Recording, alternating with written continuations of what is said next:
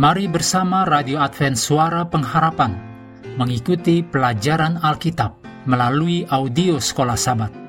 Selanjutnya, kita masuk untuk pelajaran Selasa 20 Desember. Judulnya Penghakiman Seribu Tahun. Mari kita mulai dengan doa singkat yang didasarkan dari Wahyu 16 ayat 7. Ya Tuhan, Allah yang Maha Kuasa, benar dan adil segala penghakimanmu Amin.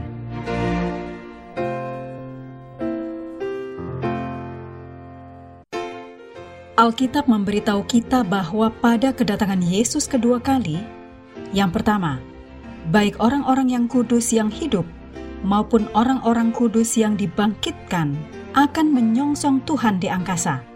Dicatat dalam 1 Tesalonika 4 ayat 16 dan 17.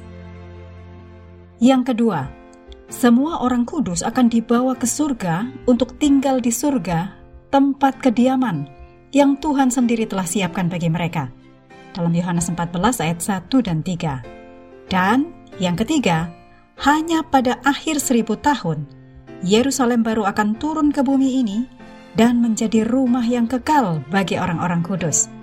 Dicatat dalam Wahyu 21 ayat 1 sampai 3 dan 9 sampai 11. Jadi, selama seribu tahun, sementara bumi ini tetap sunyi, orang-orang kudus akan memerintah bersama Kristus di surga. Dicatat dalam Yeremia 4 ayat 23 dan Wahyu 20 ayat 4.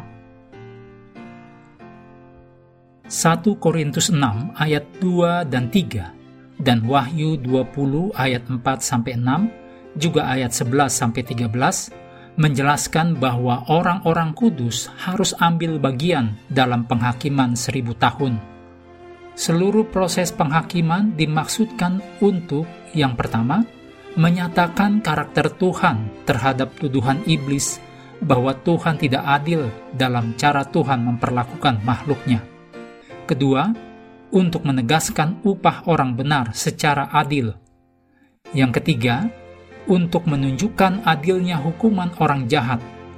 Dan yang keempat, untuk menghilangkan semua keraguan yang dapat mengarah pada pemberontakan lain di alam semesta. Dalam penghakiman pemeriksaan pra-advent atas orang benar, ini adalah sebelum kedatangan Yesus yang kedua kali, hanya penghuni surga yang terlibat. Dicatat dalam Daniel 7 ayat 9 dan 10. Tetapi selama penghakiman seribu tahun atas orang jahat dan malaikat yang jatuh, orang-orang kudus itu akan terlibat dan ambil bagian. Dicatat dalam 1 Korintus 6 ayat 3, Yudas ayat 6, juga Wahyu 20 ayat 4 sampai 6. Penghakiman pemeriksaan pra-advent dimulai pada tahun 1844 ketika tahta diletakkan duduklah majelis pengadilan, dan dibukalah kitab-kitab. Demikian ditulis dalam Daniel 7 ayat 9 dan 10.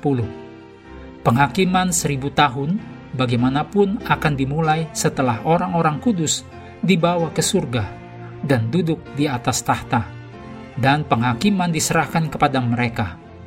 Kemudian sekali lagi, kitab-kitab surgawi dibuka dan orang mati dihakimi menurut perbuatan mereka, berdasarkan apa yang ada tertulis dalam kitab-kitab itu. Demikian ditulis dalam Wahyu 20 ayat 4 dan 12. Proses ini memberikan kesempatan bagi orang-orang kudus untuk mengevaluasi catatan surgawi dan melihat bahwa Tuhan dalam semua kasus secara adil memperlakukan semua manusia. Tuhan tidak hanya memberi upah kepada semua manusia sesuai dengan apa yang pantas mereka terima berdasarkan keputusan mereka sendiri, tetapi juga menjelaskan kepada manusia keputusan Tuhan. Betapa karakter Tuhan itu adalah kasih dan adil. Umat yang selamat akan lebih dulu dilibatkan dalam proses penghakiman. Sebelum semua orang mati yang hilang atau binasa, dibangkitkan untuk menghadapi kematian kedua.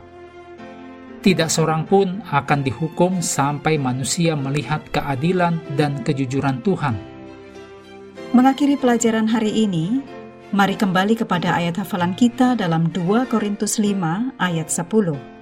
Sebab kita semua harus menghadap tahta pengadilan Kristus, supaya setiap orang memperoleh apa yang patut diterimanya, sesuai dengan yang dilakukannya dalam hidupnya ini, baik ataupun jahat.